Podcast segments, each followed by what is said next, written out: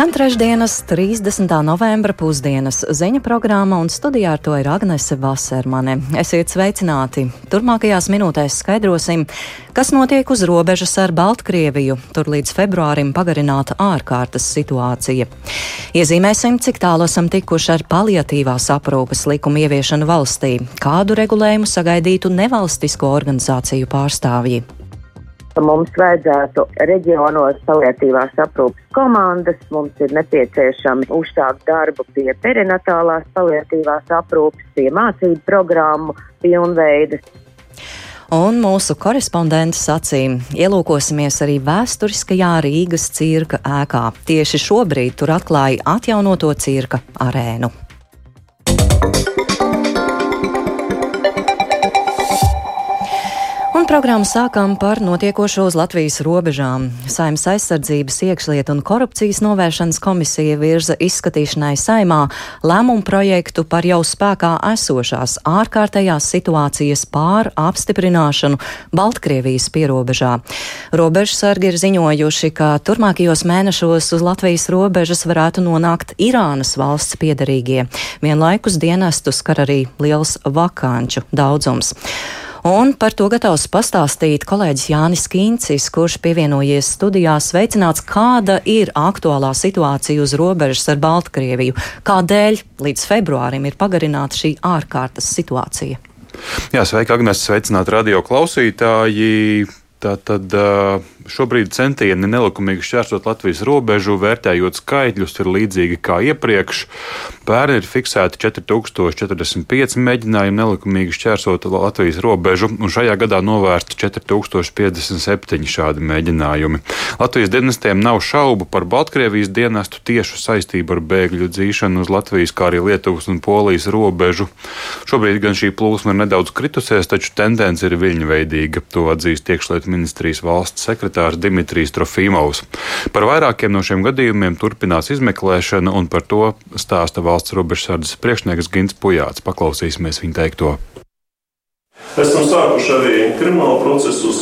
Šī gada laikā 23 krimināla procesi par nelikumīgu robežu šķērsošanu. Pret tām personām, kuras tiek uzņemtas, tiek sākta krimināla procesa, tiek veikta izmeklēšana.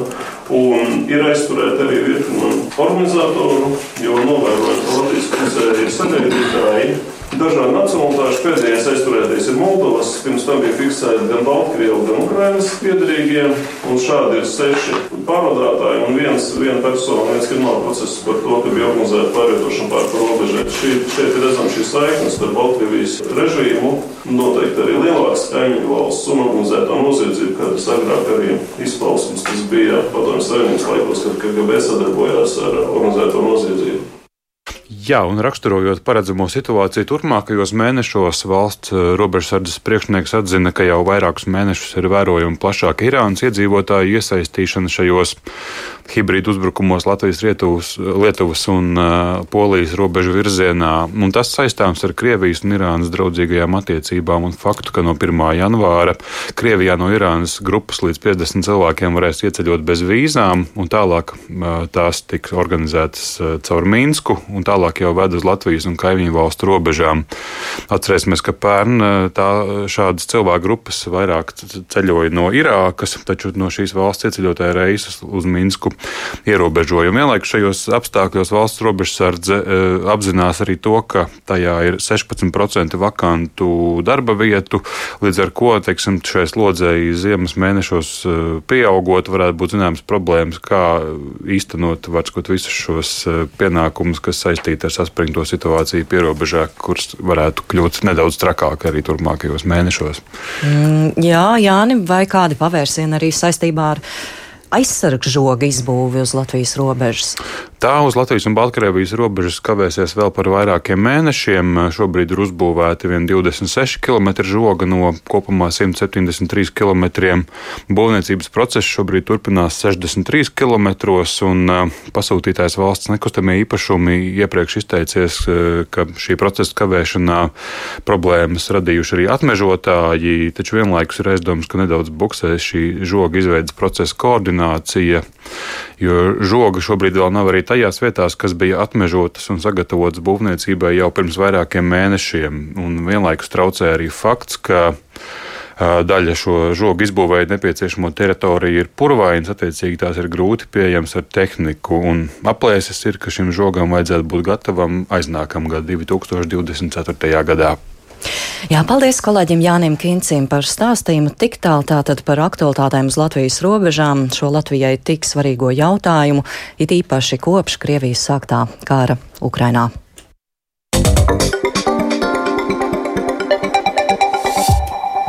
Un par šo tēmu arī turpinām. Eiropas Savienība aktīvi strādā pie tā, lai nodotu Ukrainas atjaunošanai ārvalstīs konfiscētos Krievijas līdzekļus.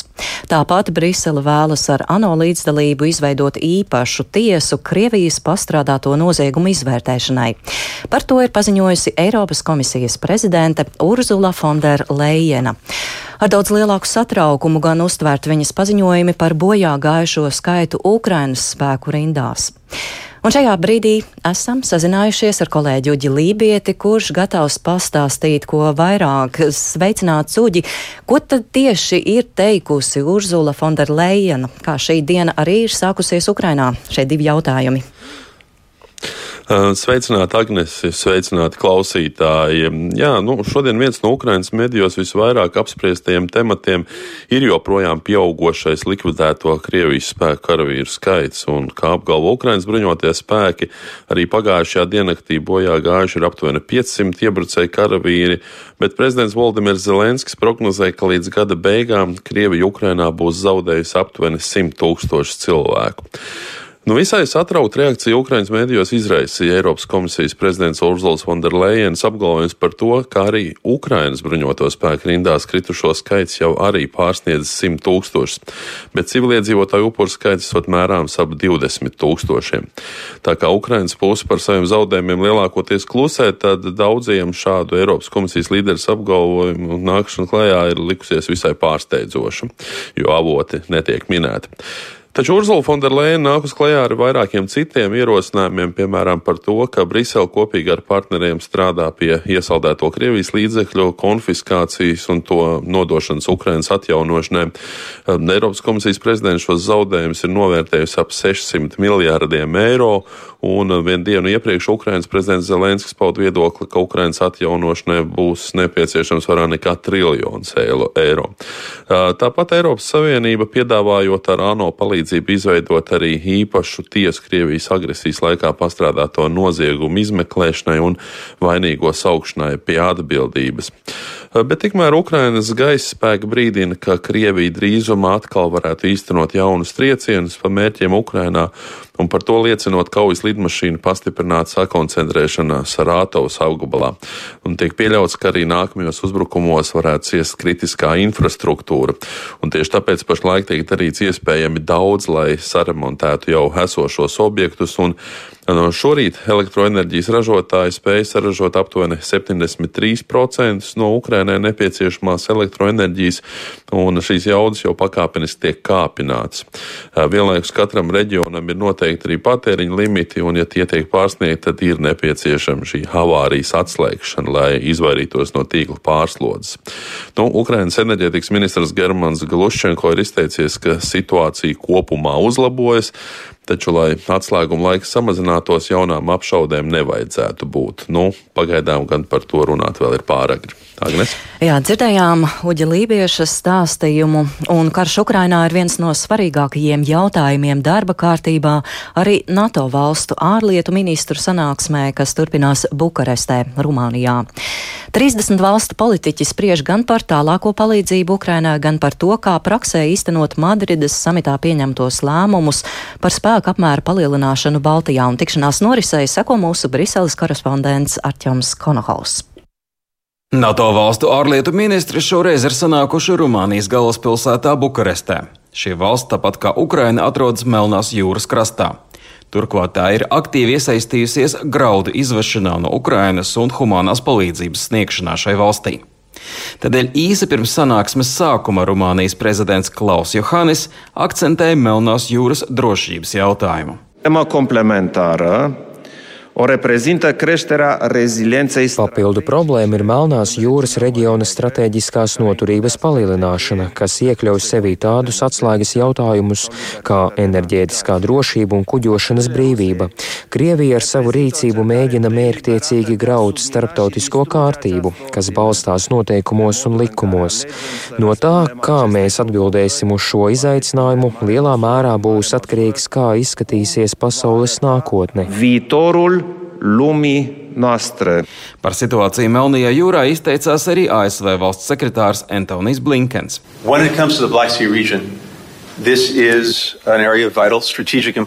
Ja runājam par Melno jūru, tad mums un NATO tā ir ārkārtīgi strateģiski nozīmīga. Tās krastos atrodas trīs mūsu sabiedrotie, kā arī mūsu partneri Ukraina un Grūzija. Krievija ir pārvērtusi daļu no Melnās jūras par kara zonu. Uh, Kā zināms, vasarā NATO valstu līderi samitā Madridē pieņēma lēmumu par sabiedroto karaspēka klātbūtnes palielināšanu Baltijas valstīs. Tādēļ viens no šīs sanāksmes mērķiem ir panākt vienotu izpratni par to, kā tieši Kanādas vadībā tas notiks mūsu valstī. Tomēr svarīgākā uzmanība tika pievērsta Ukrainai. Bukarestē ir ieradies Ukrainas ārlietu ministrs Dmitro Kuleba, kurš sanāksmes pirmajā dienā izteica konkrētus lūgumus par papildu ieroču piegādēm. Līdz ar to NATO valstu uzdevums tagad ir saprast, kā šī un cita palīdzība var tikt sniegta. Arčuns Kanahaus Latvijas Rādio Briselē.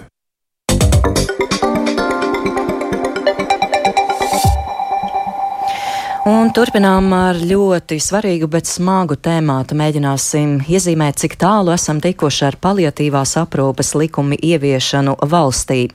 Jaunā saimas sociālo un darba lietu komisija šodien pēc visu administratīvo jautājumu sakārtošanas ir pievērsusies darbām par savu pirmo izskatāmo jautājumu izvēloties paliatīvo aprūpi. Un komisijas sēdē līdzi sekoja arī kolēģis Kristaps Feldmanis, kurš šobrīd pievienojies studijā. Tātad, Kristap, jaunā saimas par veselības jautājumiem atbildīgā komisija ir sākusi darbu, un pirmais temats - palietīvā aprūpe. Saki, lūdzu, kas vispār ir tie galvenie jautājumi, ar kuriem palietīvās aprūpes kontekstā jaunajai Saimnes komisijai nāksies strādāt? Jā, sveika, Agnes, labdien, Latvijas radio klausītāji. E, darba jaunajai komisijai palietīvās aprūpes jomā noteikti būs daudz. Viens ļoti svarīgs, ārkārtīgi apjomīgs noteikti ir normatīvā ietvara izstrāde palietīvai aprūpei. Nu, e, ļoti daudz arī minēja bērnu palietīvās aprūpas biedrības vadītāja Anna Jansone. Vairāki pilotu projekti, kuri jānobeidz palietīvās aprūpas komandas reģionos, darbs pie perinatālās palietīvās aprūpas, pie mācību programmu pilnveidas ir šī un vēl ļoti daudz citi ir būtiski, būtiski darbi, kas jāveic. Um, dzirdējāt bērnu, tā tad, um, jā, es saprotu, ka no tevis minētās šodienas saimas sēdēs sanākušie ir vairāk koncentrējušies tieši uz atbilstošākā palietīvās aprūpes, tā kā normatīvā ietvara atrašanu.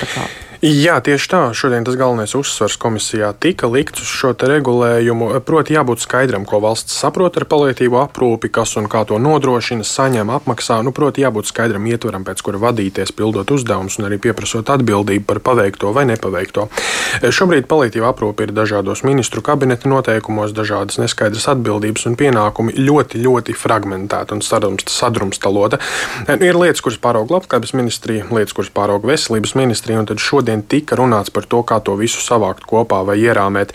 Runāja gan tie, kas atbalstītu vairāk, vairāk likumu, gan tie, kas vairāk runā par kaut kādiem ministru kabineta noteikumiem, bet nu, tādas konkrētas atbildes, protams, šobrīd vienā dienā jau vēl nav. Paldies, Kristā. Tātad, kā tu jau nu pat minēji, šodienas sēdē tātad deputāti un uzaicinātie ministriju pārstāvi sprieda par iespējamu sistēmas pilnveidošanu, bet galvenais sanākušie meklēja labāko šo te normatīvo regulējumu, lai valstī beidzot būtu skaidri saprotams, kas tad ir palietīvā aprūpe, kas un kā to nodrošina, saņem un finansē. Un kādu normatīvo regulējumu sagaidītu nevalstisko organizāciju pārstāvji to ierakstā turpina skaidrot Kristaps Feldmanis. Ir iesākti vairāki projekti pieaugušajiem ambulatorijā, medicīnā, pakalpojumu sniegšanā.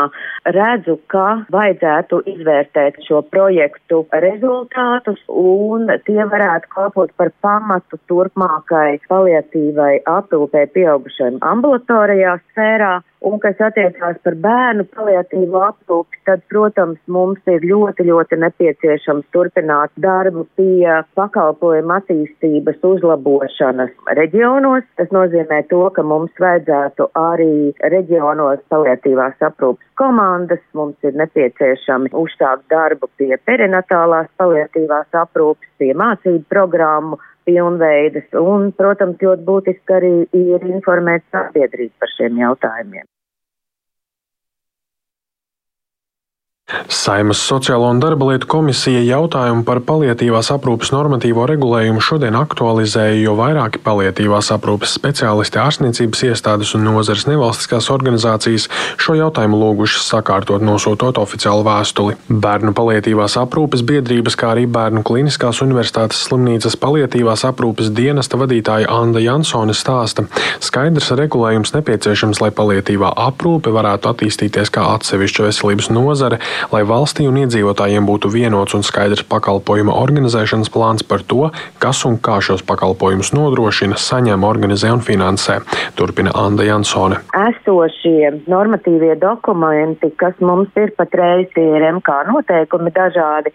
Ar šiem noteikumiem ir nepietiekami un ir vajadzīgs radīt likumdošanas bāzi, kas mums pilnīgi skaidri pasaka gan paliatīvās aprūpas pakalpojumu definīciju un no tās izrietošos um, pakalpojumu saņemšanas veidus, pakalpojumu sniedzējus, un ļoti būtiski ir vērtēt šo pakalpojumu kvalitāti. Anda Jansona min piemērus. Atsevišķās ārvalstīs šis jautājums tiek risināts dažādi, piemēram, nosakot palietīvās aprūpes standārtu vai ieviešot likumu. Jansoni uzskata, ka Latvijā vislabāk būtu izveidot atbilstošu likumu. Manuprāt, patreiz labākais veids būtu, ja būtu palietīvās aprūpes likums, un tad, protams, tā tālāk ir MK noteikumi gan labklājības ministrijas izstrādāti, gan veselības ministrijas, kur tad arī pasaka pārējo to, ko mēs esam ierakstījuši likumā, kā to var reāli praksē paveikt. Vieglāks ceļš pēc Jansonas domām gan būtu papildināt esošo ārstniecības likumu un sociālās palīdzības likumu, taču tad palietīva aprūpe būtu ļoti sadrumstalota starp dažādiem dokumentiem un būtu neskaidra. Arī ārsts privātā palietīvās aprūpes centra Rūra vadītājs Kristians Dāvis parakstījis vēstuli, kurā aicina domāt par speciālu likumu izveidošanu. Viņš uzskata, ka likums palīdzētu skaidri sakārtot pienākumus un atbildības. Daudz eh, vietās parādās palietīvā aprūpe gan ministra kabineta noteikumos, gan veselības ministrijas noteikumos, gan labklājības ministrijas noteikumos, bet šī definīcija un viss, kas ir aprakstīts šobrīd par to palietīvo aprūpu un palietīvās aprūpas saņemšanas kārtību, tam visam būtu jābūt iekļautam šajā pakalpojumā, viss ir nedaudz tāds izplūds. Palietīvās aprūpas speciālisti un nevalstiskās organizācijas cer vērst uzmanību uz to, ka valstī jānonāk pie risinājuma, kas daudz konkrētāk un striktāk reglamentēs palietību aprūpi. Kristaps Feldmanis, Latvijas radio.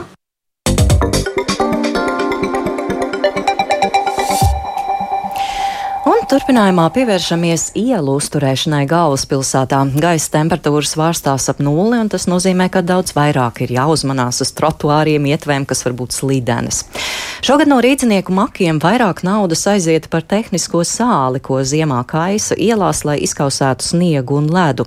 Taču cik tas iedzīvotājiem maksā, doma neatklāja, vienlaikus mierinot, ka iedzīvotāji šogad ir ieguvēji. Salīdzinājumā ar kopējo cenu pieaugumu kāpums par ielu kaisīšanu nav nav būtisks. Un vairāk mums pastāstīs kolēģis Viktors Demidovs, kurš pievienojies studijās. Sveicināts, Viktor! Nu jā, šobrīd par Rīgas ielām jāpārvietojas diezgan uzmanīgi, īpaši pa domu laukuma bruģi. Tu pēdējās dienās esi interesējies, kā Rīgā šogad sokas ar ietvju uzturēšanu, taču tā arī neesi ticis līdz tam, cik šie darbi maksā. Kāpēc pašvaldība neatklāja šo summu, cik rīdziniekiem sāls kaisīšana izmaksā? Jā, sveika, Agnese, sveicināti Latvijas radio klausītāji. Iesākumā pateikšu to kontekstu. Tātad arī šogad kā iecienītāko pretslīdes materiālu pilsētā izmanto tehnisko sāli, ko gan pati Rīgas doma neiepērkot. Visu nodrošinot ceļu uzturētāji, ar kuriem pašvaldība pirms dažiem gadiem ir noslēgusi līgumu. Zināms, ka šai sezonai ir sagatavoti ap 17 tūkstošiem tonu sāls, un tas ir vismaz par tūkstoti tonu mazāk nekā pagājušajā sezonā. Tā pavēstīja satiksmes departamentā atsaucoties uz ceļu uzturētājiem. Jāatzīmē, ka rīdznieki maksā nevis par tonnām, bet gan par nokaisīto vienu tūkstoti kvadrātmetru, un nav svarīgi, cik plānā vai biezā kārtā sāla kaisa, tas gulstoties uz uzņēmumu pleciem. Svarīgi ir tas, ka iela ir nokaisīta, bet cik tas maksā, vietvara neatklāja. Vienīgais, kas ir zināms cenu kāpuma dēļ, šogad summa ir pieaugusi par teju 12%. Lūdzu, paklausīsimies, ko par to saka departamenta direktora pienākuma izpildītājs Jānis Vaivots. Pašvaldība ir savā ziņā iekonomēs, jo gan degvielas cenas, gan sāls cenas droši vien ir paaugstinājušās ne 12% apjomā, bet tātad rīznieki joprojām maksā to cenu par 1000 kvadrātmetriem. Cik tā maksā? Tas gan būs jau komerces noslēpums. To es laikam nedrīkstēšu atklāt. Tā ir desmit tūkstoši vai simti vai miljoni? Vai? Nē, tas ir. Uh, zem nu, ļoti, ļoti mazas uh, naudas vienības. Jā, piebildīšu, ka tikai par pagājušā gada decembri rīdznieki par nokaisītām ielām maksājuši ap 300 tūkstošiem eiro, un tā teica Vaivots. Es uzrunāju arī apkaimju alianses vadītāju Māri Jansonu, kā vērtē tādu situāciju. Un, hm, viņš teica, ka ir ļoti neapmierināts ar to, jo tas viņa prāt liedz iespēju salīdzināt Rīgu ar citām pašvaldībām, tādā veidā saprotot, vai galvaspilsētā sāls kaisīšana notiek par samērīgu cenu. Viņa prāt doma rīkojas nelukamīgi. Turpina Jansons. Man tā kā varbūt tik daudz neinteresē tieši kādu summu viņi iztērē, nu tikai tik daudz, lai pārliecinātos, ka tas nav vairāk daudz nekā citās pašvaldībās. Bet man vairāk interesē, kamēr nav šī summa, tikmēr arī ir apgrūtināta diskusija par to, kā panākt to, lai uztaisītu tādu sistēmu, kas motivē tos izpildītājs, tās firmas, kas to dara, izkaisīt pēc iespējas mazāk sāls, jo tas ir tas pilsētas iegūms būtu. Jā, un pašvaldība arī kritizē uzrunātie eksperti, bet plašāk par to tad klausieties vakara ziņu programmā dienas notikuma apskats. Jā, paldies Viktoram Demidovam par stāstījumu. Nu, galvenais, lai slidenā laikā neviens negūtu traumas, bet nu, tā tad Rīgas doma to, cik uzturēšanas darbi izmaksā, vismaz pagaidām neatklāja. Un mūsu programmas noslēgumā Vēl par kādu daudzu gaidītu notikumu, proti Rīgas cirkā šobrīd notiek rekonstruētās cirka arēnas atklāšana. Un šo notikumu vēro arī mūsu kolēģe Baiva Kušķe, ar kuru esam sazvanījušies. Sveicināti, Baiva! Labdien! Jā, izstāsti lūdzu mums, klausītājiem, kāds izskatās jaunais cirka arēnas veidols. Jā, es eh, Rīgas cirkā es biju pirms gada, kad arēnas vietā bija tāds viens liels putekļains un izrakņāts būvlaukums, un tagad ir notikušas kardinālas pārmaiņas. Arēna ir moderna, gaiša un skaista, jo ir sakārtot un vaļā atvērt arī logi, kas pirms tam bija daudzus gadus aizklāti, ir jauna betona grīda. Nu, un, protams, pats tas galvenais iegūms ir jaunais kupols, kas ir nostiprināts ar jaunām kolonām un kopumā ir iegūta liela transformējuma telpa, kurā Eh, šodien ļoti uzskatāmi savijas ar vēsturi, jo eh, arēnas apdarē ir izmantot arī vairāk nekā simts gadus veci dēļi, kas atrasti veicot pārbūvi, tāpat arī brūsas no vecajām tribīnēm, bet man jāsaka, ka Lai arī tas ir ļoti svarīgs notikums, tad tā vēl galīgi nav visa cirka pārbūve, bet tikai tāda vienas kārtas noslēgums, un arī arēna pilnībā ir paredzēts labiekārtot līdz nākamā gada nogalē, un pēc tam vēl sekos arī citi pārbūves darbi. E, jā, e, Baiba, kad arēna vērs vaļā durvis apmeklētājiem? Jā, apmeklētājiem vērs durvis vaļā jau decembrī, kaut arī vēl tribīnas nav iekārtotas, bet būs tādas pagaidu sēdvietas, un decembrī kopā ar teātra trupu kvadrifrons būs tādas Ziemassvētku izrādes. Jā, liels paldies kolēģei Baibai Kušķai par šo īso ieskatu, kā ir pavirzījusies uz priekšu Rīgas cirka ēkas būvniecība. Tad, tad nākamā gada beigās jau varēsim vest bērnus un paši skatīties cirka izrādes un dažādus citus priekšnesumus nu, jau pilnībā atjaunotā vēsturiskajā Rīgas cirka ēkā.